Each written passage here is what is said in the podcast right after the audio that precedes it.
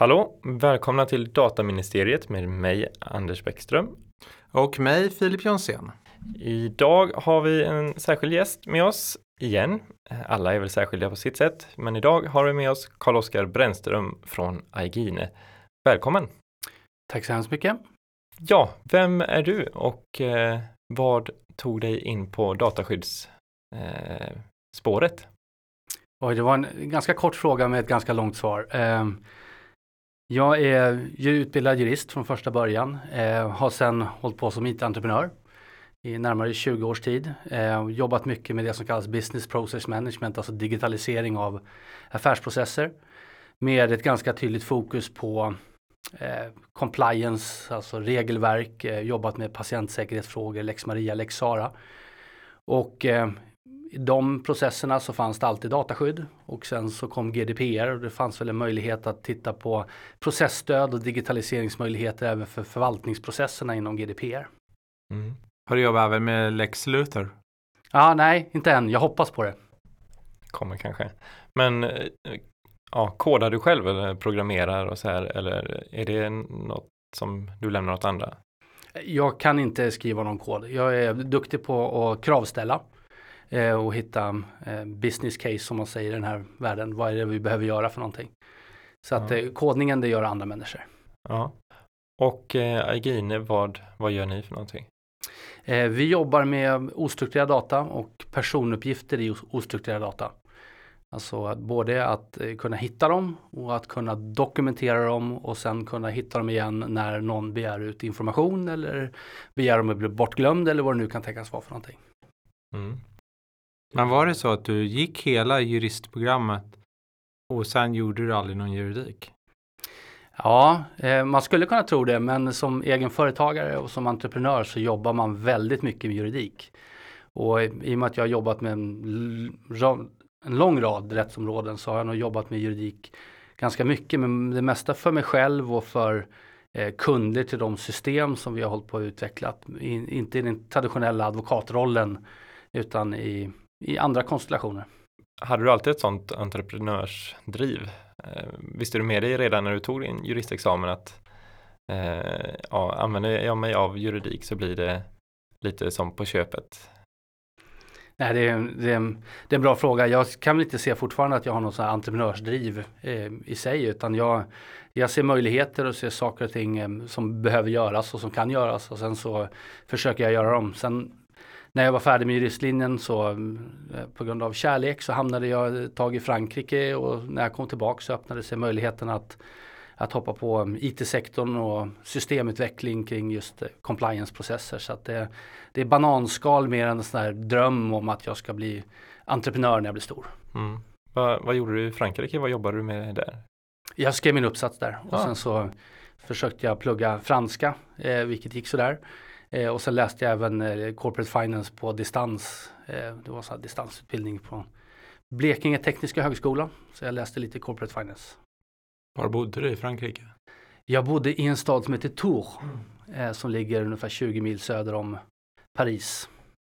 Min eh, dåvarande flickvän och min nuvarande fru eh, läste sitt sista år på juristlinjen i Tours, franska juristlinjen. Så att vi träffade varandra i studierna i Göteborg och sen så hamnade vi i Tours eh, ungefär ett år. Är hon från Frankrike? Hon är från Frankrike, ja. Jag har ju själv läst eh, juridik i Frankrike. Så där. Alltså i Aix-en-Provence. Ja, Som ja det, utbytesstudent. det är nog lite bättre väder där än vad det är i Tours. Eh, det tillhör väl det norra Frankrike. Det var bara dåligt väder tre gånger om året när vinden kom, Mistral. Då blev det riktigt kallt för det var ju kall luft från eh, bergen som kom ner. I övrigt var det fint väder. Ja, det kan jag tänka mig. Vi, eh, vi hade inte så bra väder när vi var i Tours eftersom vi inte var där över sommaren. Men eh, min, min fru läste ju juridik där, så jag har inte läst juridik i Frankrike utan jag var, var där och skrev min uppsats och som sagt eh, följde med kärleken. Och sen kom du tillbaka och började du på med eget med en gång då eller vad, vad gjorde du då? Jag har drivit eget företag egentligen under hela studietiden så att eh, det kom sig naturligt att jag hade några konsultuppdrag och några konsultuppdrag ledde till ett större engagemang i mm, vissa av de företag jag hade jobbat med och sen så snubblade jag in på det som kallas business process management, alltså affärsprocess, mm, ja, digitalisering av affärsprocesser. Så det, var, det fanns ingen plan i det utan det är väl livets bananskal som allting annat. Jag var flytande på tyska när jag träffade min franska fru till exempel. Så det är väl inte allting man kan eh, styra över. Hur är det med tyskan nu då? Den är inte alls bra. Nej. Franskan. Eh, den är bättre. Eh, men är det någonting som du har haft nytta av eh, nu då i och med GDPR med olika översättningar och sådär? Känner du att du kan läsa översättningarna på franska och tyska? Nej, det, det kan jag faktiskt inte påstå. Det ska sanningen fram så har jag inte ens gett mig på det. Men eh, min, min talade franska är helt okej, okay, men min eh, eh, skrivna franska är inte särskilt bra eftersom jag inte har studerat franska på någon högre nivå. Nej, nej precis. Ja, ja, men spännande ändå. Det är alltid kul med lingvister. Jag hade ju också det flytet i och med att man har muntliga tentamen i Frankrike behövde jag aldrig lära mig att skriva. Så jag, jag kan inte skriva ett ord franska. Jag kan bara prata. Läsa då? Läsa tror jag att jag kunde hyfsat, men då ska man komma ihåg att även undervisningen i Frankrike är lite annorlunda. Det är också byggt på vad läraren säger under lektionerna. De har inga böcker. Ekonomiskt? Eller var det smidigt eller bara jobbigt? Det var intressant för att man kunde få kopior av äldre studenter av samma föredrag eller samma lektion från året innan och sen kunde man sitta ordagrant och följa vad läraren sa. Det, och det var i ett fall då läraren hade skrivit en bok.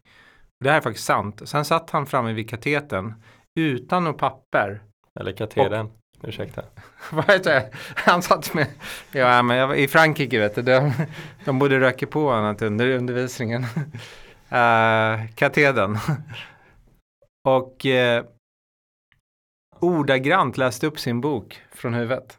Ja, från huvudet ändå. Det är ändå imponerande tycker jag. Men, men då kan vi båda franska, så då kan vi passa på att spela in ett franskt avsnitt av Dataministeriet. Nej, jag passar på den. Jag vill inte verka elak mot Anders. Han... Men jag kan ingen franska alls. Eh, la, det, la, la ministère du data. Ja, det låter ju för sig fint. Um, men sen kom du in på dataskydd. När var det då? Var det nu inför GDPR eller har du sneglat på det då? Du pratade lite om det i lite andra processer och så. Ja.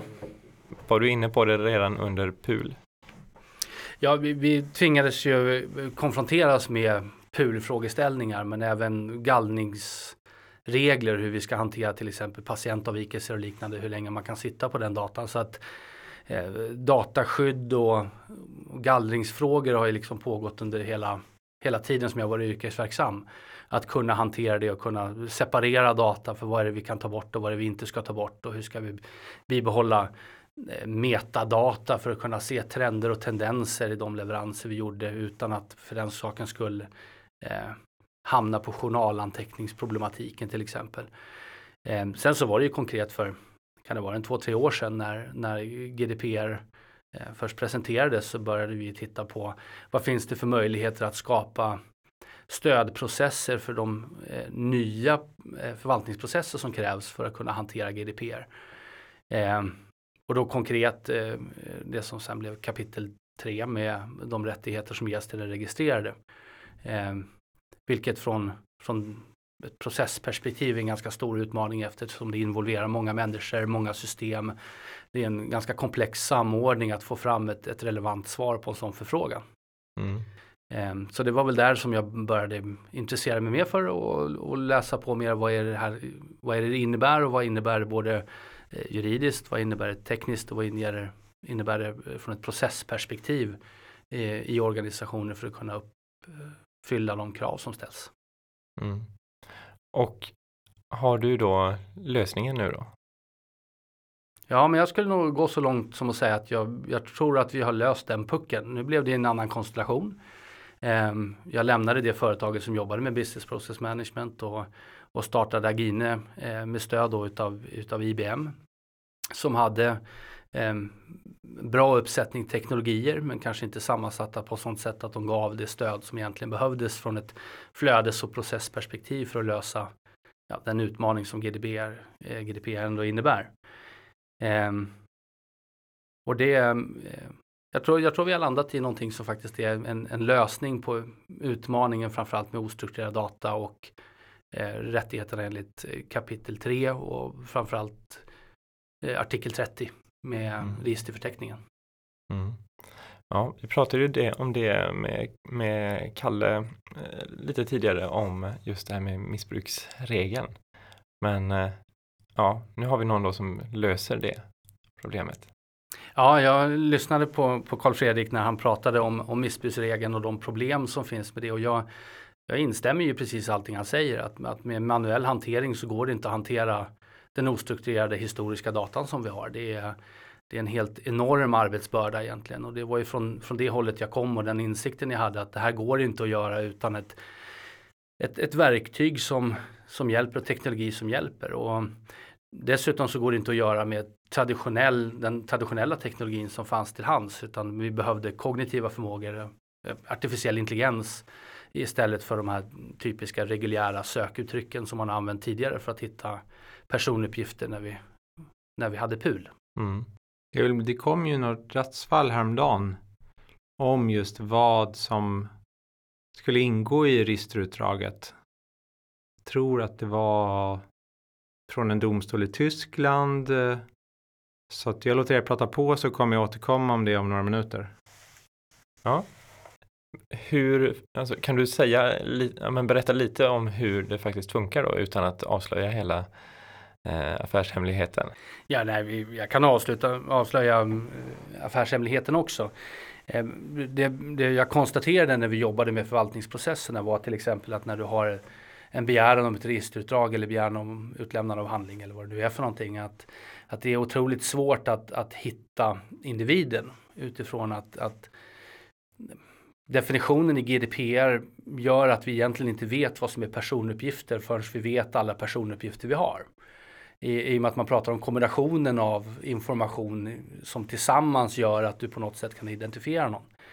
Eh, och det var ju den, den, grundläggande problemformuleringen. Det var där någonstans vi såg att, att vanliga sökuttryck eh, inte riktigt fungerar. Eh, det är svårt för vanliga sökuttryck att göra skillnad på till exempel ett datum och födelsedatum. Ehm, det är väldigt svårt att veta vad skillnaden däremellan är och därför behövde vi eh, träna kognitiva förmågor, alltså artificiell intelligens som kan förstå det kontextuella, alltså hur språket är uppbyggt och hur dokument är uppbyggda och vart personuppgifter återfinns. Ehm, och i den utvecklingen så blev det ganska uppenbart också att, att vi människor har en ganska fantastisk förmåga att förstå vad som är information som kan användas för att individualisera någon. Jag, jag brukar använda ett ett eh, lite fånigt exempel, men, men när man läser sagor för sina barn, även om de är bara två, tre år och säger att apelsin och banan satte sig i bilen och åkte hem, så förstår barnen direkt att apelsin och banan i det här sammanhanget inte är frukter utan någon form av äh, agerande individer. Eh, och det är väldigt svårt för, för normala sökbegrepp att, att hitta den typen av formuleringar eftersom apelsin och banan är ju frukter, inte nödvändigtvis namn. Men vi människor förstår utav kontexten att det handlar faktiskt om individer. Mm. Eh, och av den anledningen så behövde vi träna AI eh, för att kunna identifiera det. Men, men det räcker ju inte att bara kunna hitta det utan sen så måste det ju eh, enligt artikel 30 om inte Filip kommer med någon information om att tyska domstolar har sagt något annat eh, så behöver vi också ha koll på vart vi har våra personuppgifter och vad vi har för laglig grund och vad vi har för syfte för att eh, behålla dem. Så att det räcker inte med att veta att de finns utan vi måste också dokumentera dem. Mm. Och enligt artikel 30 så måste vi dessutom då tillhandahålla en registerförteckning vid förfrågan från eh, ja, motsvarande Datainspektionen eller Dataskyddsmyndigheten, vart vi nu befinner oss mm. någonstans. Så att, så att det vi gjorde var att, att titta från ett processperspektiv. Alltså vilka steg måste vi gå igenom för att lösa utmaningen med, med den ostrukturerade datan och de personuppgifter som enligt GDPR nu finns där men som kanske inte självklart enligt PUL var närvarande. Mm. Men så produkten ger både en förteckning då och svarar på eh, begäran om registerutdrag? Ja, det, det, det stämmer. Eh, när, vi, när vi gör den här eh, persondatainventeringen så sparar vi inte bara på information som är av betydelse för artikel 30 utan vi sparar också på vart personinformation finns och personlig information finns i dokumentet vilket innebär att vi sen kan hitta det vid en förfrågan. Och, och, det vi gör också när vi har tillgång till den här datan så kan vi då skapa en informationsmodell som konstituerar de personuppgifter som vi har om just dig.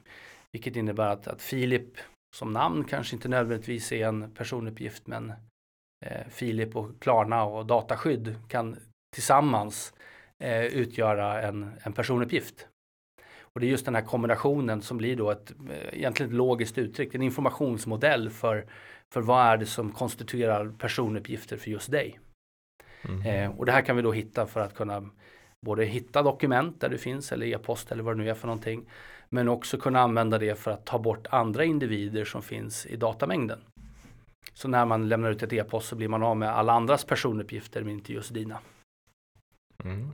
Då kommer jag att tänka på mitt exempel från tidigare. Var gränsen går för en personuppgift om mig om personuppgifter för andra även en, är en personuppgift om mig. Till exempel min frus namn. Och där har vi ju ett beslut från Arbogamålet där man säger att andras personuppgifter kan vara personuppgifter om en tredje person också. Så att det är lite lurigt om man ska radera eller säga nu får du ett extract eller ett utdrag för dina uppgifter så tar man bort massa människor. För att då blir det vilseledande för mig också om mig. Eh, ja, Eh, visst är det så. Eh, nu jobbar vi med, med verktyg och artificiell intelligens vilket innebär att Eh, jag kommer aldrig säga att det är hundraprocentigt i de randvärden eller de små detaljerna men, men samtidigt så är inte människor det heller. Ja, det var mer en fråga om vad, vad du tyckte an, gränsen gick för var personuppgifter om mig är. Kan det också vara personuppgifter om andra? Eller skulle du säga att nej, de ska man inte lämna ut? Jag vet inte om jag förstår frågan, men, men person, personuppgifter om dig kan också inkludera personuppgifter om andra. Men det är ju då i, i språket eller i kontexten som det återfinns. Eh, vilket innebär om det, det står att, att Filip har varit där tillsammans med sin fru så är det väl ganska tydligt att eh, din, eh, sin fru i sammanhanget är publika uppgifter vilket innebär att det är då en personuppgift som hänvisar till din fru. Det är intressant det där rättsfallet nu som jag har hittat det är från Köln då där deras domstol, den regionala domstolen, där de bland annat, om jag förstår det rätt, det är på tyska, att man faktiskt inte behöver lämna ut e-postkorrespondens med individen själv för att den redan känner till den. Mycket intressant. Och det ställer ju till eh, ett ännu större problem. För då måste man identifiera all e-postkorrespondens där individen själv inte har varit involverad. Och vi som jobbar med den typen av ostrukturerad data kan ju redan en, en e, e-postkorrespondens när vi skickar mejl fram och tillbaka me mellan varandra eh, innehåller ju enorma mängder information och personuppgifter som uppkommer på många olika ställen.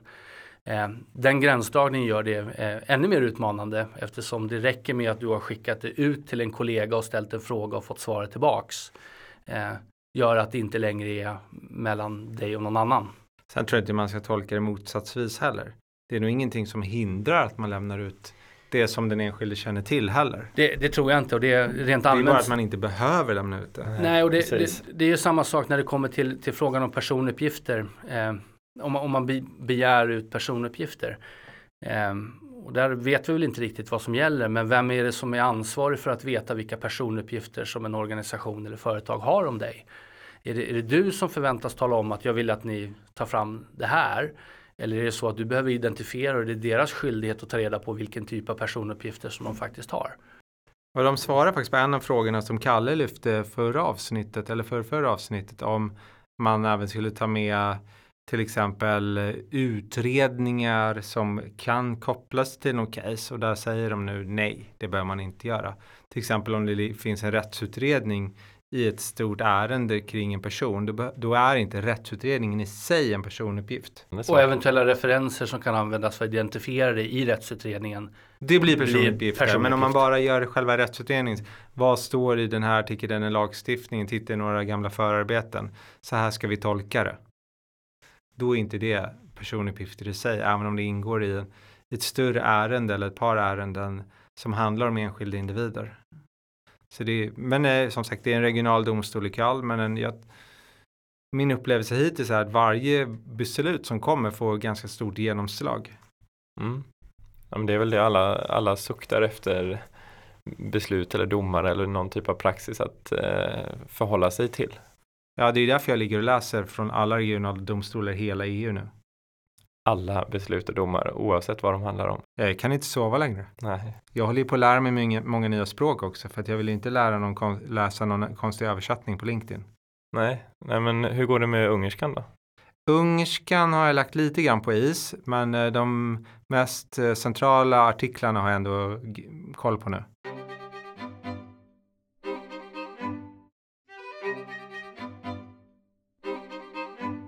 Då undrar jag ju lite mer om själva verktyget. Eh, alltså, funkar det på alla typer av plattformar, alla olika typer av e-postsystem eller på alla, eh, ja, var, var datan än ligger så att säga? det är ju det är att kliva väldigt långt ut och säga ja, det har ingen som helst betydelse. Men vi jobbar ju tillsammans med, med IBM här och använder ett verktyg som de har som heter StoraQ som som har absolut flest kopplingar både till datakällor, eh, vilket är ju ändå en förutsättning, eh, men även möjlighet att läsa filformat, eh, vilket är otroligt viktigt eftersom vi pratar om historisk data. Och det, det ser vi exempel på att, att personuppgifter kan dyka upp i gamla AutoCAD-ritningar från 80-talet. Eh, där de också existerar. Så att eh, StoreIQ har en, en otrolig katalog av möjligheter till både kopplat till till datakällor och att kunna läsa filformat. Och det är det vi använder den teknologin till. Eh, sen så kliver vi in med våra algoritmer och vårt workflow och vår dokumentation för att, eh, för att driva på arbetet när vi väl har, har hittat de här dokumenten som kan tänkas innehålla personuppgifter. Det finns ju en sak som inget verktyg och inte heller någon människa egentligen kan komma åt och det är ju de pappershandlingar som eventuellt skulle omfattas av GDPR som är kopplade till elektroniska arkiv som ligger på någon handläggares skrivbord? Ja, eh, jo, om du vet att de ligger på det skrivbordet. Eftersom ja, det var vi, det du inte visste. Ja, nej, det, om, om vi inte vet att de ligger där så är det väldigt svårt. Men eh, för att vi ska kunna hantera data så behöver den vara i digitalt format och det, det finns ganska bra OCR-inläsning även utav eh, pappersfiler för att bygga då ett, ett, digitalt textlager som vi då kan hantera. Däremot så blir det ju svårare med hänvisning till vad dokumentationen hänvisar till för dokument. När vi jobbar med eh, Exchange-servrar eller SharePoint eller vad Dropbox eller vad det nu är för någonting så, så får vi en, en hash eh, en hash-teknologi som vi använder för att kunna identifiera dokumentet. Så att den dokumentation vi har om personuppgifter och hur länge vi ska ha kvar och så vidare. Och den legala grunden och syftet. Eh, den, den följer hela tiden med dokumentet oavsett om det flyttas eller vart det då befinner sig någonstans. Det är väldigt svårt för fysiska dokument att få den kopplingen. Så om du byter skrivbord så kommer vi tappa bort det. Ja, det Flexible setting. Ännu värre då. Vi pratade ju om det lite innan men jag tyckte att det verkade, jag tyckte att sånt där, ja, jag tycker att sånt där är kul. Agine, var kommer namnet ifrån? Jag har hållit på att driva företag i över 20 års tid och jag har alltid haft någon form av tanke att jag ska ha någonting som kopplar till den grekiska mytologin. Eh, och när jag tittade på namn för, för det här företaget och produkten så visade det sig att alla gudar redan var upptagna. Så jag hittade Aegine som dels är en ö i den grekiska arkipelagen men som också var en grekisk nymf som eh, blev ihop med Zeus eh, och eh, som sen födde honom barn som alla blev väldigt framgångsrika kungar. Och med tanke på att vi jobbar med IBM som då jämfört med ett, ett litet svenskt företag eh, är betydligt mycket större så tänkte vi att i den, den eh, tanken att då kunde IBM få vara Zeus och så var vi den här vackra undersköna grekiska nymfen som födde fram framgång. Så ungefär så. Sen att det är ett litet problem med hur man ska uttala det på, på svenska och engelska, det var väl någonting vi fick på köpet. Mm. Och hur blir det på engelska då? Har du? Ja, vi har efter interna diskussioner landat i Agin. Så lite AI Engine eh, sammanblandning där. Mm. Det låter lite grann som någon ur typ Sagan om ringen eller något. Tack. Men som vi pratade om med, med Kalle, så vi var inne på det här att det finns ingenting idag som man egentligen riktigt kan kalla ostrukturerad data. Men hur har ni definierat det? Ja, om vi tittar på hur PUL såg ut när man pratar om register så, så från det perspektivet så register var ju då databaser. Eh, ganska tydligt att, och det är lite det man hanterade under, under PUL. Det var eh, person, egentligen vad folk hanterade där under var ju på sin höjd, och jag säger på sin höjd, eh, personnummer i, i databaser. Eh, med missbruksregeln så hamnar vi i ett läge att det blir allting som teoretiskt är sökbart, vilket innebär, precis som du nämnde här, att de här Eh, Kabinettskåpet som har ett register är nu sökbart men givetvis all e-post, alla filer, alla dokument som ligger på olika fillagringsytor eller i SharePoint eller vart det ligger någonstans. Ehm, så det är det vi definierar, vår definition av ostrukturerat är allting som inte är strukturerat och strukturerat blir då en teknisk term, det som inte ligger i tabeller i en databas. Men i tabellerna i databasen ligger också en stor mängd ostrukturerad data i form av, som jag nämnde, fritextfält. Du har människor som kan, som kan skriva vad som helst. Då kan de skriva vad som helst så finns det ju en tendens att de gör det också. Och inte minst alla verksamhetssystem som hanterar bifogade filer. Och filer kan ju innehålla precis vad som helst. Det har vi liksom ingen aning om. Så att det ostrukturerade, vi drar gränsdragningen därifrån med vetskapen om att även den strukturerade datan kan ha stora inslag av ostrukturerad data. Sen så är det ju en målsättning för att kunna hantera förvaltningen av GDPR att även den ostrukturerade datan blir strukturerad. Att du sparar saker och ting i vettiga strukturer där du vet att till exempel i den här, i den här mappen ligger CV för de som inte fick anställning utan referenser. Och så kan du hantera den lagliga grunden på en mappnivå eller på en övergripande nodnivå. Att du skapar lagringsstrukturer som kopplas till din registerförteckning. Eh, vad vi ser med de enorma mängder eh, dark data eller ostrukturerad data som finns det är att den saknar all form av struktur och all form av eh, strömlinjeformning mot de krav som faktiskt ställs upp i GDPR. Men där tror jag faktiskt slår lite grann huvudet på spiken för att till och med e-postprogram kan man ju skapa en otrolig struktur i bara man vill och har tid. Det är inte så att per default är allting som är e-post ostrukturerat dåligt hanterat och så vidare. Ibland så blir det lite en typ eh, karikatyr av vad som är dålig datahantering att lika med ett e-postprogram, men så behöver det inte vara. Nej, du kan skapa väldigt fina strukturer men då, då kommer ju nästa problem in och det är att vi hanterar människor. Det var lite det jag nämnde med, med GDPR, att det hamnar mellan juridiken, tekniken, människor och processer. Precis där mittemellan ligger GDPR. Att, att du har människor som sen börjar göra fel Eh, de kanske gör rätt också, men eh, det är en tidsfråga innan någon gör, gör något fel. Och, och som jag nämnde när jag började jobba med, med GDPR så var det från ett förvaltningsperspektiv. Det var frågan hur ska vi upprätthålla compliance? Inte nödvändigtvis hur ska vi uppnå det, utan hur ska vi upprätthålla det? Eh, anledningen till att vi jobbar så mycket med, med inventeringen i Agine eh, är ju för att inventeringen är en förutsättning. Den strukturerade och ostrukturerade datan är en förutsättning för att vi sen ska kunna jobba med monitorering.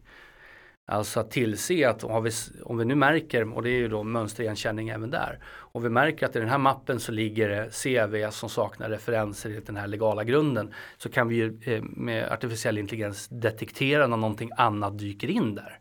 Och någonting annat hamnar där. Eh, och kan då reagera med en avvikelsehantering att här verkar det vara någonting som är fel. Eh, Ger den förslag på vilken rättslig grund det Ja, vi tränar även för, för rättsliga grunden. Så vi, det, det vi tränar är dels personuppgifterna, så vi tränar hur identifierar vi personuppgifter. Mitt exempel med apelsin och banan, så vi lär oss hur, hur språket fungerar men också hur, hur struktur på dokument fungerar. Det här med att personuppgifter ofta hamnar uppe till vänster. Så lär vi oss också med positionering, vart kan det tänkas återfinnas. Eh, men vi tränar också för den legala grunden. Eh, vad ska, ska sägas är att vi kräver en mycket högre träffsäkerhet för, för föreslagna legala grunden eftersom människor har en tendens att gå på det föreslagna. Och vi, gör, vi vill gärna att det sker någon form av kvalitativ mänsklig bedömning av vad är det egentligen det här handlar om för någonting. Det låter ju väldigt spännande tycker jag. Men då är, jag ska leta upp en upphandlings spes till dig från Secret Service i USA för ganska många år sedan. När de uttryckligen sa att den programvara de ville ha skulle förstå ironi. Nu vet inte jag om du är ironisk eller inte. Nej, det var på riktigt. För att det är i princip bara människor hittills som har kunnat göra den åtskillnaden. Och inte ens vi klarar ju av det alltid. Till exempel, det är ju en generationsfråga. Jag är, jag, jag, jag är ju den ironiska generationen. Yngre personer som jag träffar, de förstår ju inte ironi. Nej, och du, om du har bott i Frankrike så vet du att fransmän inte heller förstår ironi. Vilket har lett till stora pinsamheter i mitt familjeliv som hänger där nere. Men, men visst är det så. Och det, det, det, det, man pratar om träffsäkerhet, det är att man kan alltid hitta randvärden. Det var lite grann som frågan, okej okay, men det här specifika exemplet som faktiskt är en personuppgift, kommer ni hitta det? Ja, all artificiell intelligens handlar ju om träning. Att, att man måste träna algoritmerna och där, där har vi gjort någonting som, som vi faktiskt är först i världen med och det är att vi har tittat på just träningsproblematiken kring AI. Eh, som jag nämnde så jobbar vi nära IBM och eh, när vi klev in där och sa att vi kan tyvärr inte använda reguljära uttryck, alltså vanliga sökbegrepp för att hitta personuppgifter, för det är inte så GDPR ser ut. GDPR är kontextuellt och det är i kombination vilket innebär att det blir otroligt mycket svårare att förstå vad som faktiskt är personuppgifter.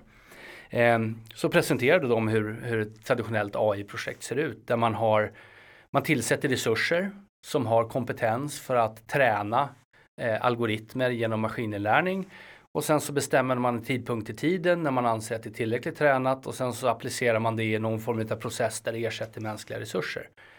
Eh, problemet med det är att eh, vår bedömning är att det finns inga människor att ta av för att kunna göra det. Utan eh, ska vi prata om, om inventering av historisk ostrukturerad data så kommer alla som har förmågan att göra det behövas för att faktiskt inventera datan och inte sitta och träna AI. Mm. Eh, vad vi också såg är att det är helt omöjligt att säga en tidpunkt i tid.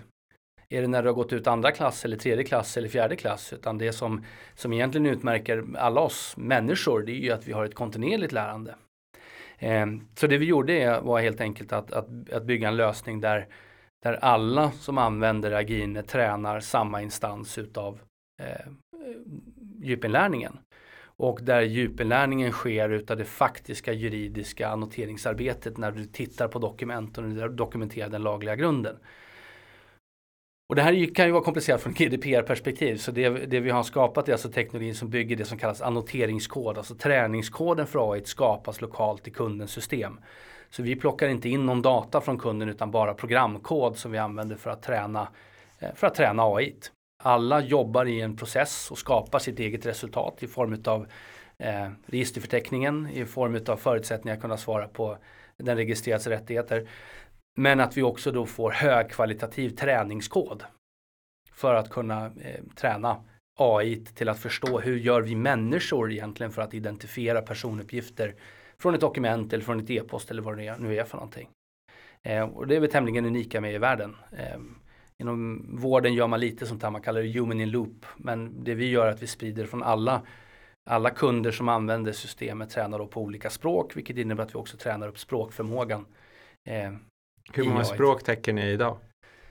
Jag skulle vilja säga att vi täcker två bra och tre hyfsat. Eh, vi är väldigt duktiga på svenska och norska och vi är halvhyfsade på, på engelska. Men, men vi låter inte AI fatta besluten utan vi använder AI för att stödja människor istället för att ersätta dem i den här processen. Så det vi använder algoritmerna för är att presentera att här har vi hittat personuppgifter och det människan gör är ju bekräfta att det här stämmer eller eh, avmarkera det som inte stämmer och om det är så att vi har missat någonting, markera det som, som AI har missat. Så att vi har alltid en människa som fattar besluten, även de juridiska besluten såklart. Eftersom det till exempel måste dokumenteras ner ett syfte. Och det är svårt för en jurist att göra om du inte sitter med personen som har fått e-postmeddelandet eller skrivit dokumentet. Men det är helt omöjligt för AI att kunna förstå eh, syftet med en personuppgiftsbehandling i ett dokument till exempel. Just nu. I framtiden kanske även en AI klarar av det. Men det där är ju en klassisk skaleffekt och den är, det är alltid bra om man kan lägga upp det på det sättet att man alla får del av varandras vinst utan att ta del av detaljerna. Ja, det, visst är det så. Det är lite grann ett omvänt fiskarnas dilemma nästan. Det ska ju sägas att, att det är långt ifrån alla som har förstått hur komplicerad personuppgiftsdefinitionen i, i GDPR egentligen är. Jag är ju utav åsikten att det är inte förrän du vet all data du har och all data som är publikt tillgänglig som du vet vad som är en personuppgift. Ja, det kan jag skriva under på. Jag, jag brukar köra det när jag har någon presentation att jag tar lite olika exempel på vad som är personuppgifter och inte personuppgifter. Och just som du nämnde att kontextuella effekten är ju helt enorm. Mm. Framförallt på eh, löptext eller lite mer så här random personuppgifter. Personnummer är ju ganska enkelt men när man börjar laborera mer med eh, mannen som bor på Sandstensvägen 35. Ja, eller trefaldig svensk mästare i judo. Och så finns det bara en. Exakt. Eh, det är där det verkligen börjar bli kontextuellt och det där, som sagt, jag, jag, tror att teknologin kan lösa den här utmaningen. Jag tror att teknologin verkligen kan säkerställa det som, som, jag, som jag tycker är viktigt. Jag, ty, jag gillar GDPR, inte bara därför att det är en, en, kommersiell möjlighet utan jag gillar GDPR utifrån att, att det handlar om personlig integritet. Sen så sitter vi här och pratar om okay, eh, ostrukturerad data och så vidare men vi ska komma ihåg att i våra dataflöden rent allmänt så, så är det helt enorma mängder persondata som skyfflas mellan olika aktörer. Och det finns, ett, det finns ett allmänt behov av att kunna fånga upp vad som är personuppgifter i de här flödena där det, där det inte är särskilt tydligt. När du bokar på booking.com och bokar ett hotellrum till exempel, hur många händer passerar dina personuppgifter då? Innan betalningen har nått fram och bokningen har nått fram till hotellet. Det är, vi tittar nu på det som, som ligger där i datalaken eller datalaken. Det som är lagrat, den strukturerade, ostrukturerade datan som är lagrad. Men börjar vi titta på flödena och framförallt i med IoT så, så finns det behov av att kunna identifiera innehåll och identifiera personuppgifter även i, i våra flöden. Det var lite roligt för jag bokade faktiskt ett hotell i, i helgen, bodde vi på mors dag på hotell och jag hade bokat på hotels.com. Men när jag kom till hotellet så de, ja hej jag säger att jag bokar på Expedia. Mm. Så det är precis som du säger, det är otroligt många mellanhänder med och sen betalar man säkert med kort. Och då är det hela card scheme grejen och då är det ju liksom tio olika bolag med inblandade i det också. Så en vanlig hotellbokning och resa, jag skulle tippa på 30-40 företag minst. Och, under sen om, och då har jag skalat bort all ad, mm. allting i marketing mm. Mm. och marknadsföring och nätet. Det där är de som bara behövs för att jag ska kunna boka hotellet och bo där. Och det, och det är korrekt och det är helt enorma datamängder som, som flödar över de här företagen och de har de har begränsad kontroll på vad det egentligen är som kommer in. Och det är, jag menar, titta bara på den. Du har, när du bokar då på hotels.com så har du då möjligheten att skriva spe, speciella önskemål. Det gjorde jag inte. Nej, men du hade kunnat skrivit, du hade kunnat skrivit att jag är svårt cancersjuk. Och sen helt plötsligt så hade du haft en helt annan kategori av persondata som, som strömmade genom dessa 30 till 40 företag som ligger som mellanhänder. Så att, som sagt, jag, jag gillar GDPR och jag tror att tekniken måste till för att kunna lösa vårt moderna samhälle. Eh, vi kan inte förlita oss på att människor kommer göra rätt. Eh, utan vi, vi, måste använda tekniken både för att underlätta för människor att göra rätt men också att, att kunna monitorera och se att, att det faktiskt följer de policies och de lagar och de avtal som vi har ingått. Men var det så att det fanns stöd för när man har gjort en första inventering så att säga kan man monitorera då på platser om för enkelhets skull kallar det en mapp att folk inte lägger personuppgifter så att säga med fel rättslig grund eller felaktigt att man får typ en ping nu har någon lagt här det verkar inte som den hör hemma här det, det, är korrekt och det, det vi tittar då det är kategorien utav personuppgifter och den eh, rättsliga grunden. Som sagt vi är inte, vi är inte inne framme vid syfte än för syftet har vi svårt att, att förstå oss på. Men, men eh, kategorierna och den, den rättsliga grunden och det, den pingen och det här är också en jätteviktig del i, i, i vår leverans. Det att pingen går inte till någon utan pingen går till den som har gjort fel. Vi, vi tror nämligen att en förutsättning för att, för att eh, den personliga integriteten och respekten för den ska fungera i företag det är att alla medarbetare blir medvetna om den. Det, är därför vi har byggt in eh, workflow när du gör inventeringen att den som inventerar sina e-postmeddelanden till exempel det ska givetvis vara den som har skickat eller tagit emot dem. För det är den som förstår syftet med huruvida man kan behålla dem eller inte. Eh, för att kunna göra det utan juristhjälp så har vi byggt in en kunskapsdatabas som hämtar då checklistor från Datainspektionen och om man vill så kan man då anpassa eh, företagsspecifika checklistor till exempel när det gäller rättsliga förpliktelser. Men hela poängen med det är dels att höja kompetensen hos den som sitter och kunna svara på okej, okay, får vi spara på det här? Innehåller det eh, speciella kategorier eller inte? Men, men det långsiktiga målet är givetvis att du ska få en kontinuerlig träning utav personalen att förstå att eh, det, det, här kan vi inte spara på eller vi behöver ha ett syfte och vi behöver tänka på det här sättet för att bli mer medveten om om just personuppgifter och den hantering vi har kring det. Kan man bortse från den där pingen då? Den som gjort fel då? Kan den människan bortse från det, strunta i det eller vad händer då? Ja, det där, det där är ju en kul fråga. Jag har jobbat med business process management i 15 år och eh, vid något tillfälle så hade vi faktiskt en, en avvikelsehanteringsprocess som ledde till, till löneavdrag. Så att man, man kan göra vad man vill utav, utav eh, informationen. Men i slutet på dagen så handlar det om människor och människor behöver påverka andra människor. Så att ja, det kan eskaleras till din närmaste chef eller hur du nu vill att flödet ska se ut. Men, men det är viktigt att komma ihåg att eh, medvetenheten behöver spridas och, och i slutet på dagen så GDPR kommer inte lösas varken utav jurister eller utav systemleverantörer utan i slutet på dagen så handlar det om att, att, att de anställda måste förstå och respektera regelverket. Mm. Det, är näst, alltså det låter som att det är jag som sitter och pratar med mig själv för att jag håller med om allt där. Jag, jag, precis som du har skilt på systemen, processerna och människorna. Och hur jag vrider och vänder på det så är det alltid människorna som är det viktigaste. Det spelar ingen roll hur bra system, ingen roll hur bra processer man har. Om människorna kommer alltid vara sluga nog att hitta på workarounds. Så det är allt trickle down till människorna att de vill mm. göra rätt. Och mm. att det finns någonting såklart också en möjlighet både i processen och tekniken att göra rätt. Alltså alla mm. tre måste hela tiden vara samspelta. De, de måste samverka och det är som sagt hela, hela idén när man börjar närma sig frågan om inventering och tittar man på rapporter från Cisco och liknande och man frågar vad är liksom utmaningen med dataskyddsarbete eller privacy rent allmänt så, så topp två är alltid inventering och kontinuerlig utbildning av personalen. Det är liksom det är det som är den stora utmaningen. Men ska man äta en elefant så är det bättre att äta den i delar. Och det är därför vi har utgått ifrån att det här är en delegerad arbetsuppgift. Det här är ingenting som ska läggas på, på en DPO till exempel, dataskyddsombud och sitta och kunna svara på frågor om, om den ostrukturerade datan. Utan det måste ut till den människan som har arbetat med datan som gör den bedömningen. Men då se till att det finns ett gränssnitt, att det finns eh, möjligheter att få information direkt i det här gränssnittet. Att man vet vilka frågor med ett sånt där digitalt formulär där vi samlar in informationen kring eh, kring artikel 30.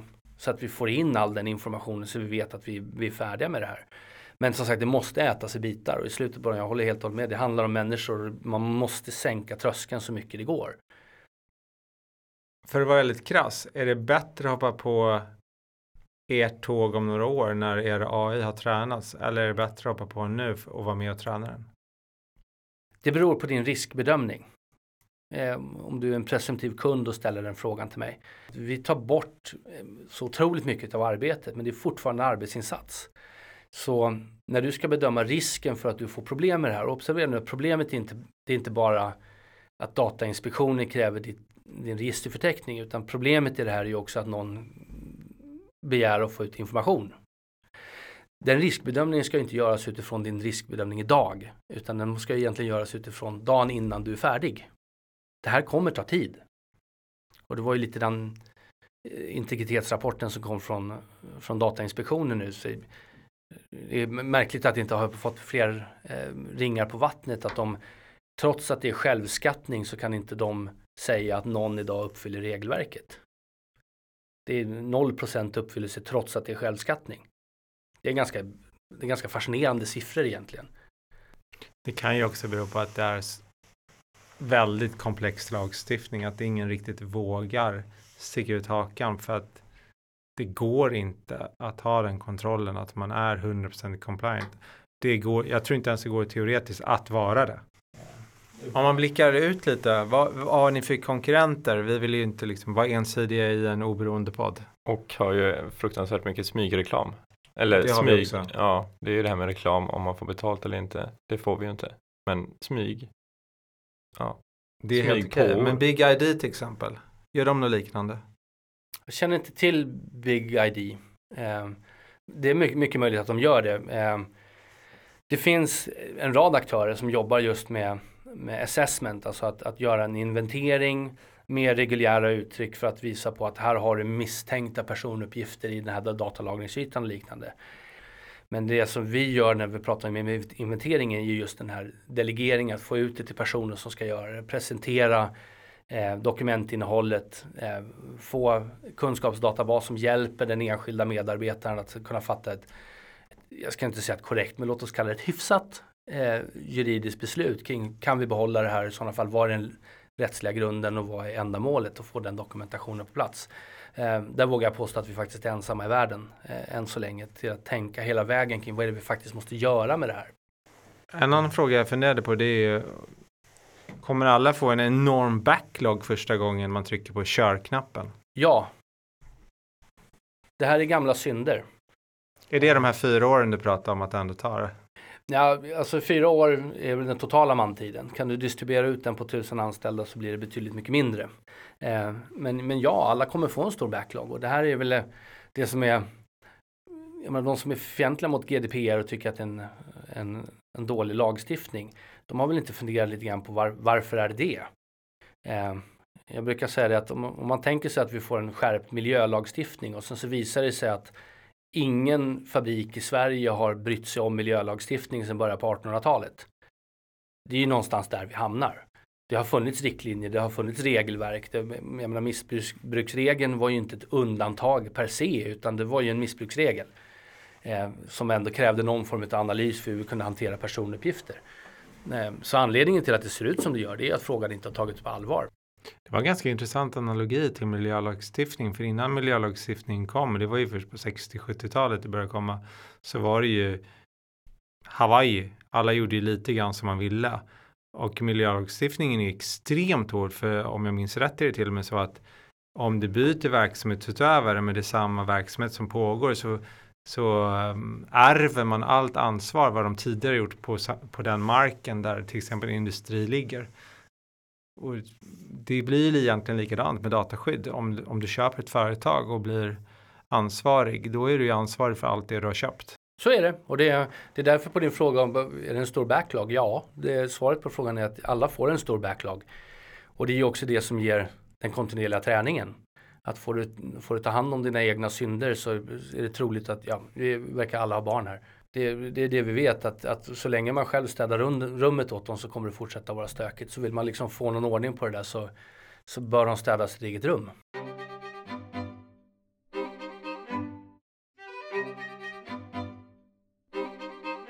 För cirka ett år sedan såg jag här nu, det, tiden går väldigt fort, då hade vi en diskussion på LinkedIn eh, angående biträde slash ansvarig, vem som är vad och sådär.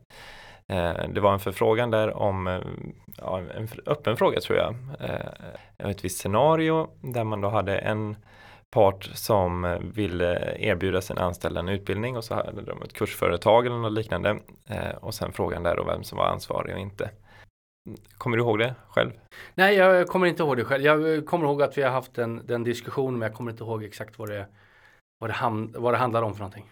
Om jag minns det rätt så menade du då åtminstone att eh, utan biträdesavtal så har man två ansvariga.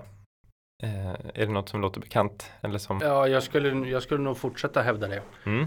Eh, kanske med en dåres envishet, men eh, så är det. Och du har en part som, som utan stöd i GDPR har lämnat över det till tredje part. Ja, för jag tänkte ju som så att ansvarig är den som bestämmer ändamål och medel eh, oavsett om man gör det eh, lagligt eller inte.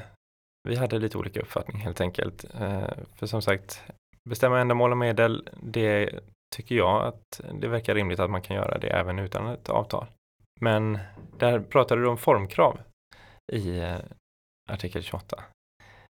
Det här, det här väntar väl fortfarande på avgörande, men eh, jag, jag, kan tala om hur jag tänker ja. och hur jag resonerar. Eh, vi inledde ju den här podden med att jag berättade att jag, jag spenderade lite tid i Tours eh, och har sedan dess kommit i kontakt med, med många franska jurister. Det, vi har i Europa två olika väldigt tydliga rättstraditioner.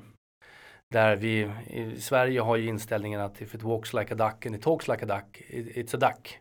Alltså alldeles oavsett vad som står där och vad som inte står där. Att, eh, det spelar liksom ingen roll vad, vad överskriften är eller om det finns eh, någonting som saknas eller liknande. Utan det är andemeningen mellan, mellan eh, avtalsparterna som egentligen räknas. Eh, vad, vad, jag eh, har fått intryck av, så vi får väl se om det stämmer, det är att vi har en sydeuropeisk tradition som ställer eh, formkrav på rättshandlingar även i civilrätten. Eh, vilket är anledning till att vi har notarier som inte håller på bara och stämplar papper i, i Frankrike och Italien och Spanien utan som faktiskt kontrollerar att, att de formella kraven på avtalsinnehållet faktiskt är på plats. Och om det finns en brist så betyder det att rättshandlingen faller. jag tror inte att vi, vi gick längre än så i den diskussionen men, men eh, det intryck jag har fått är att personuppgiftsbeträdesavtalen följer inte svensk rättstradition där egentligen ett muntligt avtal är tillräckligt utan att det följer en sydeuropeisk rättstradition vilket innebär att de formkrav som ställs eh, i GDPR gäller för avtalshandlingen. Mm. Vilket alltså innebär att en formell brist gör att det inte längre är ett personuppgiftsbeträdesavtal. Jag går så långt som att hävda att det är det grundläggande problemet med eh, konflikten mellan GDPR och Cloud Act. Att informationsplikten som finns för ett personuppgiftsbeträde faller i och med att du lyder under Cloud Act. Vilket innebär att du kan inte vara personuppgiftsbeträde om du inte kan uppfylla det formella kravet som ställs i lagtexten.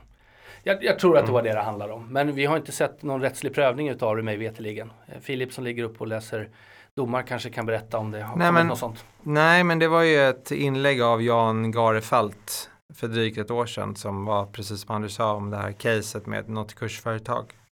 Och eh, jag ligger, lutar väl lite mer åt Anders ståndpunkt att avtalet i sig har ingen rättsverkan för vilka roller man har.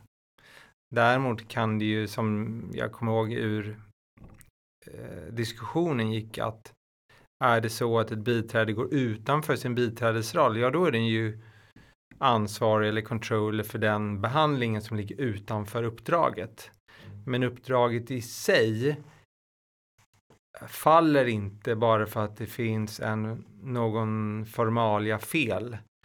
I så fall skulle ju rena slarvfel också göra, till exempel att skriva fler orgnummer eller någonting så helt plötsligt är man inte biträde. Och det köper jag. Det är, det är min åsikt att så är det inte.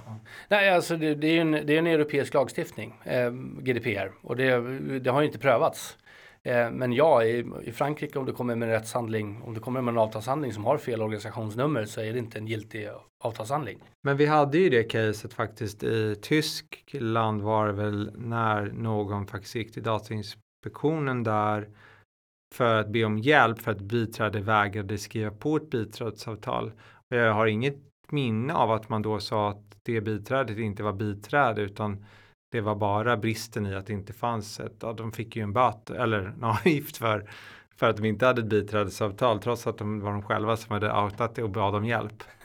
Men de fick det nedsatt på grund av att de hade varit behjälpliga och mm -hmm. så vidare. Men de nämnde inte någonting om att biträdet hade blivit controller. Och det var i Tyskland? Det var i Tyskland. Så låt oss se vart eh, rättstraditionerna hamnar. För mm. tysk rätt och svensk rätt påminner mycket om varandra. Ja. Eh, så att, eh, jag vet inte, men, men och det vet jag inte om någon vet. Men vi har olika rättstraditioner inom Europa och det ska vi komma ihåg att nu har vi en, en europeisk lagstiftning som inte liknar mycket annat vi har haft tidigare. Så det är mycket som kommer bli väldigt intressant. Hur ska det här tolkas? Och, vi, vi, får väl se. Men, men ja, den här frågeställningen är jätterelevant. Går vi tillbaks till ditt eh, bookings.com eh, och så konstaterar vi att det finns formkrav på att det ska framgå vilken typ av eh, kategorier av personuppgifter man hanterar. Så det är självklart att en, en fritextruta i det informationsflödet där någon skriver någonting helt annat är presumtivt problematiskt. Även om alla avtalshandlingar är på plats, att man kan ju faktiskt skriva vad som helst som man inte hade tänkt i förväg och sen helt plötsligt så får en personlig behandling för någonting helt annat som då svävar mellan 30-40 företag. Så kanske alla har upprättat avtalshandlingar men ni som inte reglerar just den hanteringen.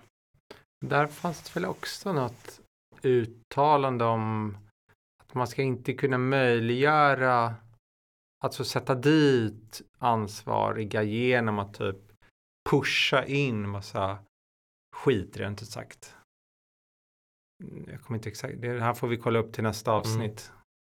Ja. Det låter som jag bara ligger och läser olika. Men du gör ju det Filip, du har ju ett osunt intresse. Har vi. Jag undrar, var det på det ungerska du läste pusha in skit? vad, är det, vad är det på ungerska? Nej, det var svensk översättning.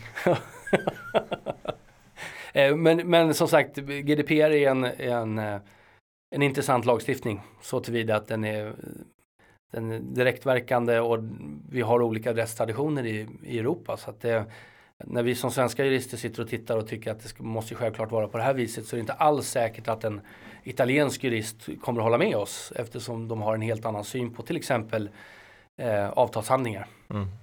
och formkrav.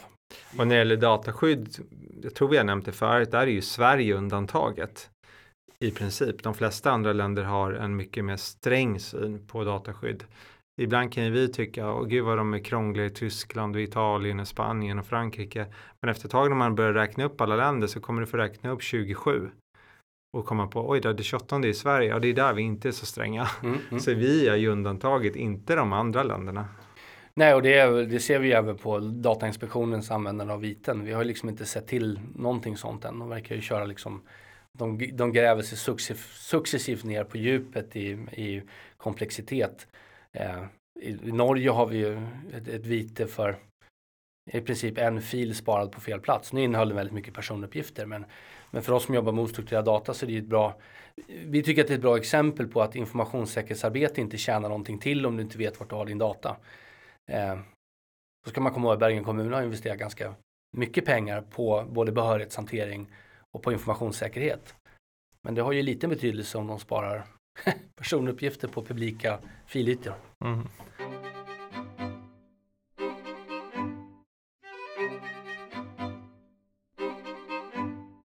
Vi har ju några gemensamma intressen, du och jag Filip, och verktyg är ett av dem, eller hantverk.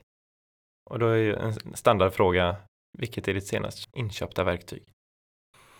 Ja, eh, nu var det inte jag som köpte det, men jag fick en Dremel 3000 eh, utav min fru här för, på vår bröllopsdag. Ja, ett sånt, alltså ett multiverktyg. Ja, en sån eh, idiotspinnare som spinner väldigt mycket Mm. som man kan fräsa och slipa och greja med. Mm. Jag hade ett litet haveri i en dörrkarm som jag har Mm. sagt att enda sättet jag kan fixa det där är om jag får en Dremel. Mm. Ja, men det är ett typiskt Dremel-arbete skulle jag säga, Tack, spontant. då har jag tagit rätt. Jag skulle vilja haft en, en slagskruvdragare. Ja. Eh, Jag har suktat efter en sån Makita handhållen liten slag, slagskruvdragare i många år. Men jag har tyvärr större behov av en Dremel just nu. Mm.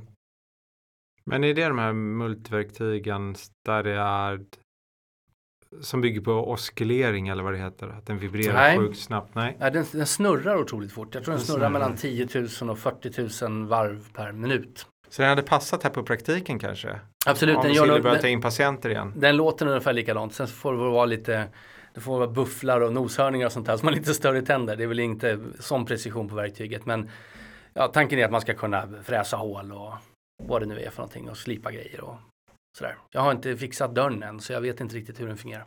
Kanske måste testköra lite innan. Det här låter ju någonting som något jag behöver. Det gör det va? Ja. För jag har ju multiverktyget och jag har ju såklart en vinkelslip. Slagborrmaskinen har jag ett par stycken.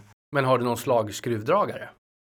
Slagskruvdragare i den bemärkelsen menar du att den går på batteri bara eller Nej, att den nej. är Det, handhållen? det, det, det är att den, det sitter en mekanism inne som, som bankar ut muttrar eller bankar i skruvar på ett helt annat sätt. Det är inte en vanlig skruvdragare utan det, det är någonting helt annat. Jag, jag kör motorcykel så när man skruvar så ibland så sitter grejer lite hårt och då behöver man en slagskruvdragare.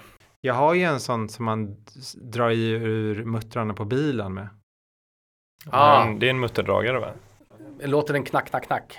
Ja, Ja, då har du en slagskruvdragare. Går den på tryckluft? nej el. Ja, ja men det är okej ändå. Det är riktigt, det är riktigt eh, coolt när man har en egen tryckluftsdriven eh, mutterdragare. men jag har, länge, jag har ju sökt efter en eh, tryckluft över, överhuvudtaget för att det är väldigt mycket man kan driva på det. Plus att eh, kompressorn låter ganska roligt. Ja, Nej, personligen vad jag verkligen skulle vilja ha det är ju en lastgrävare. Mm. Men eftersom jag bor i lägenhet så känner jag att det ligger lite långt bort. Men att ha en egen lastgrävare hade varit riktigt trevligt. Jag gick in och tittade för att Anders lurade mig att han, han typ hade köpt den. Alltså det är ju sådana mångmiljonbelopp om man vill ha någonting av rang. En lastgrävare? Ja, Ja, alltså jag skulle ju nöja mig med en sån här liten, alltså en pytteliten. Jag skulle bara vilja kunna gräva lite. typ en Bobcat. Nej, jag vill ha en lastgrävare. Så jag vill ha ett grävaggregat på baksidan och så skopa på framsidan. Men jag vet inte om du såg det Anders när Karl-Oskar kom att han åker på här enhjuling. Jaha, nej, det missade jag. Jag, jag åker elektrisk enhjuling. Det låter ju väldigt festligt. Ja, Det är ju adrenalinframkallande. Jag, jag är lite sån eh, eh, adrenalin-junkie. Jag gillar snabba motorcyklar och Mm. bilar och sådär. Och just att åka enhjuling i Stockholms innerstad är bra påslag på adrenalinet. Det låter också blodframkallande. eh, Eller blodvite. Ja, det, det, det finns ju en risk med det och det är väl det som är adrenalinframkallande. Hade det varit. Men den går i 20 så det är en cykel. Ja, precis. Det är vik- viktigt att säga. Mm. Den räknas som cykel. Den går bara i 20 km i timmen. Såg ni den där äh, frågan på LinkedIn om äh, ett blodprov var personuppgifter? Ja, jag såg det. Nej, den eh, missade jag. Vad vad- vad är din, min åsikt är ju, nej det är klart att det inte är. Ja, min åsikt är att eh, nej, det är klart det inte är. Anders? Har ingen åsikt. Eh, egentligen, i vilket sammanhang dök den där upp? Bara spontant det där? Nej, Alltså det var en som ställde frågan rakt upp och ner på engelska om blodprov skulle anses vara personuppgifter. Men det är lika dumt som att säga att en cykel är en personuppgift bara för att jag har cyklat på den. För då Mm. finns mitt fingeravtryck på den. Mm. Alltså då är allt personuppgift helt plötsligt. Mm. Luften är personuppgift för den har jag andats så då finns några DNA-partiklar eller vad det kan heta, atomer Mm. kanske från mig. Vilken är din favoritartikel i GDPR? Jo, jag, jag funderar mycket kring det och jag, jag är den som tycker att artikel 82 är roligast. Eh, och den skadeståndsmöjlighet som finns enligt artikel 82 som jag fortfarande med en dåres envishet eh, hävdar är ganska unik. Så tillvida att den ger skadedrabbad rätt till en ovillkorlig, en ovillkorlig rätt till ersättning för icke-materiell skada. Vilket i sammanhanget betyder, betyder kränkning. Och ehm, vi ska väl tacka vår europeiska rättstradition där vi inte har ambulansjägare för att vi inte har sett en, en klasstalan än mot, mot Google som har 250 miljoner Android-användare i Europa som uppenbarligen har blivit kränkta utav deras hantering av, av samtycke. Eh, artikel 82 är kul eftersom jag tror att eh, dataskyddsmyndigheterna med deras viten och liknande, de måste ta hänsyn till intern politik och de måste ha- hasta långsamt allt vad det är för någonting. Men artikel 82 lägger verkligen rätten i individens händer att faktiskt kräva ersättning för de som, som inte sköter det här på rätt sätt. Och viktig aspekt också i 82, det finns inget tak. Nej, det finns inget tak. Det finns inget tak överhuvudtaget. Så att folk som stirrar sig blinda på 50, 50 miljoner euro till Google och så börjar tänka 250 miljoner Android-användare. Jag vet inte Filip, hur kränkt känner du använder Android? Jag har en Android-telefon som jag inte använder. Mm. Den är inte laddad och helt avslagen sedan flera månader. Så du känner dig bara 1000 euro kränkt? Ungefär så. Ja. Jag som använder min dagligen känner mig 7000 euro kränkt. Fast det- jag är en av de som försvarar Google. Jag, jag tycker deras tjänster är fantastiska. Och det bygger ju på att jag har förlikt med tanken att dela med mig för att få bra tips om. Jag vill inte veta om jag, jag brukar alltid dra exemplet, jag är på Söder. Jag vill gå på en italiensk restaurang då skulle, och jag vill googla fram det. Jag är ganska ointresserad om jag helt plötsligt skulle få. Det finns en frisör i Buenos Aires som är jättebra på att klippa hår. Det, det skulle bli, och det är lite så här trade-off hela tiden. Eller jag drar ett annat exempel, eh, brukar jag ta, nu kommer jag säkert få tusen mothugg. Men idag tror jag det kostar omkring 10-12 kronor att skicka ett pappersbrev. Skulle vi gilla att det kostade 10 kronor att skicka ett e-post? Alltså allting kostar ju pengar men vi har vant oss vid att det ska vara gratis. Och, då, och så kommer man, om du betalar med någon annan valuta, ja, exakt. Men annars får du ju betala med kronor. Likadant, jag har inte Facebook men jag tänker mig att följa sin granne på semestern skulle kunna kosta 500 kronor. Gud, vilken business man ska kunna ha. Tågsemestrar genom Europa. Vilken Och inkomstkälla allt, alla de här små grejerna som vi gör så tar för givet, och det här är gratis, det här är gratis, det här är gratis vänt på det och säger så här, ja, nu ska vi börja betala för allt det så som det kostade förr i tiden. Om du skulle följa din granne i Europa, då var du tvungen att ta tåget och åka med. Vill du eh, skicka ett brev, då var du tvungen att köpa ett frimärke och klistra på och skicka det.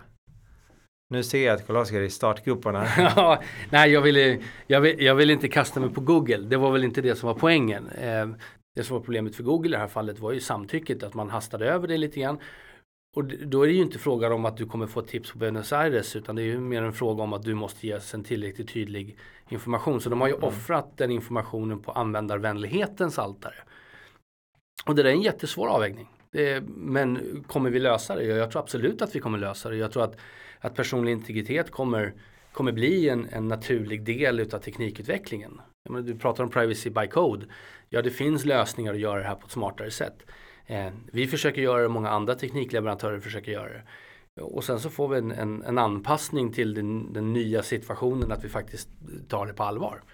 Så att jag har absolut ingenting emot Google. Jag tycker de gör fantastiska grejer. Jag tycker både, både Facebook och, och Google och de stora, de stora spelarna verkligen visar framfötterna eh, kring sitt privacy-arbete. Sen ska det ju sägas att hela edtech-marknaden är ju i sammanhanget problematisk. Hur de ska hantera det här på ett, på ett vettigt sätt.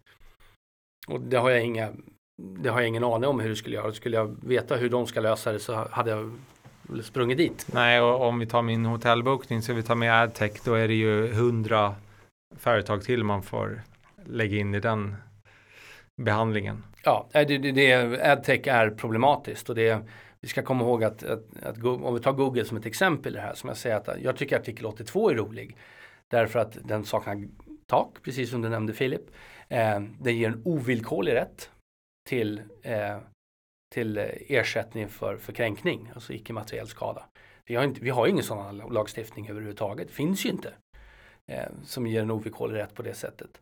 Eh, så det tycker jag är intressant. Eh, tittar man också på vad, vad, vad AdTech kommer leda till så ska vi komma ihåg att vi pratar om en marknad, jag tror i Europa så handlar det om 50 miljarder euro.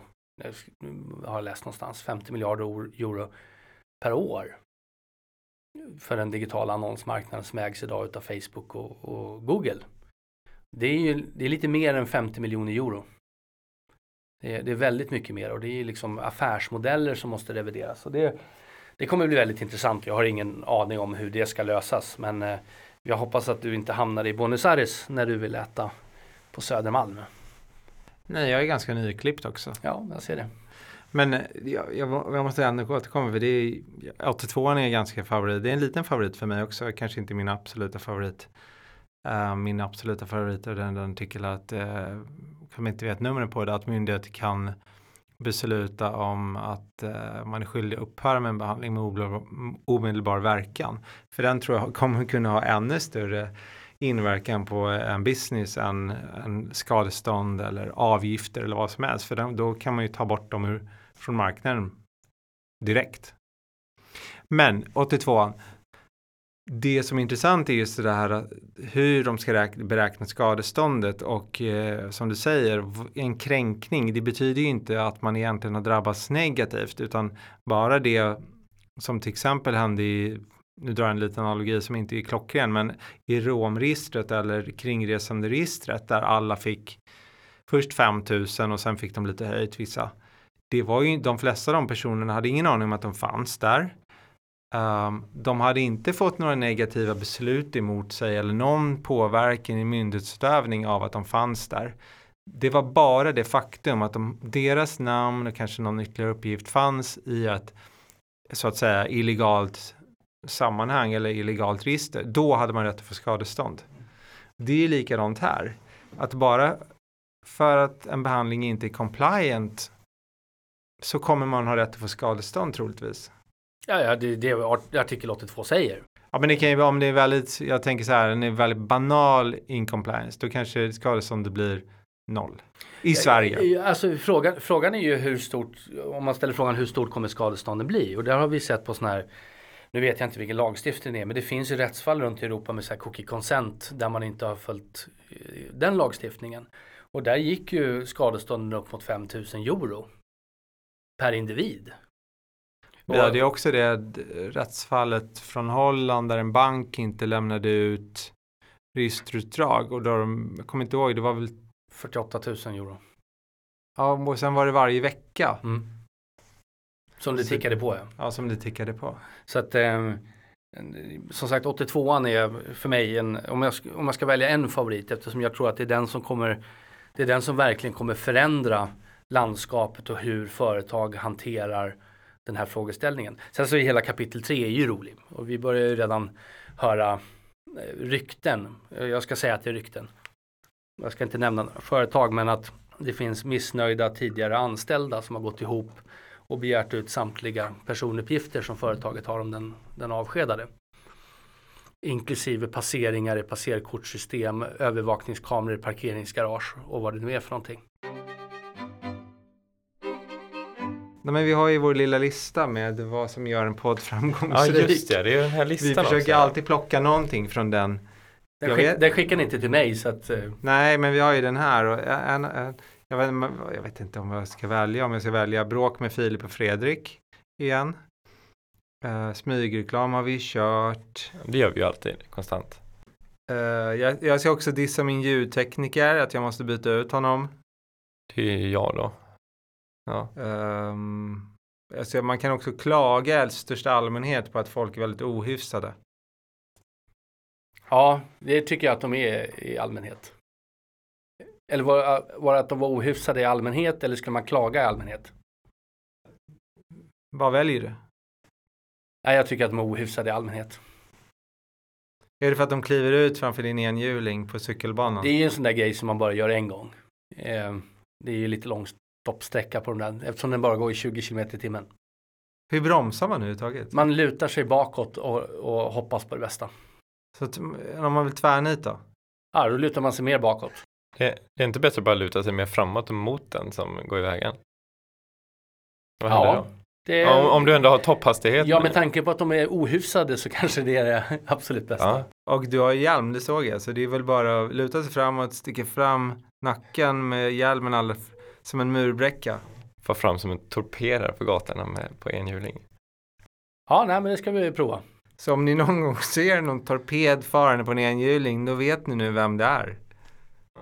I 20 kilometer i timmen. Precis, med huvudet som en torped framåt. Ja, det låter toppen. Men några, vi kan ju ändå ta lite personliga frågor också. Du nämnde att du hade eh, barn. Ja, stämmer. Exakt två. Små, stora.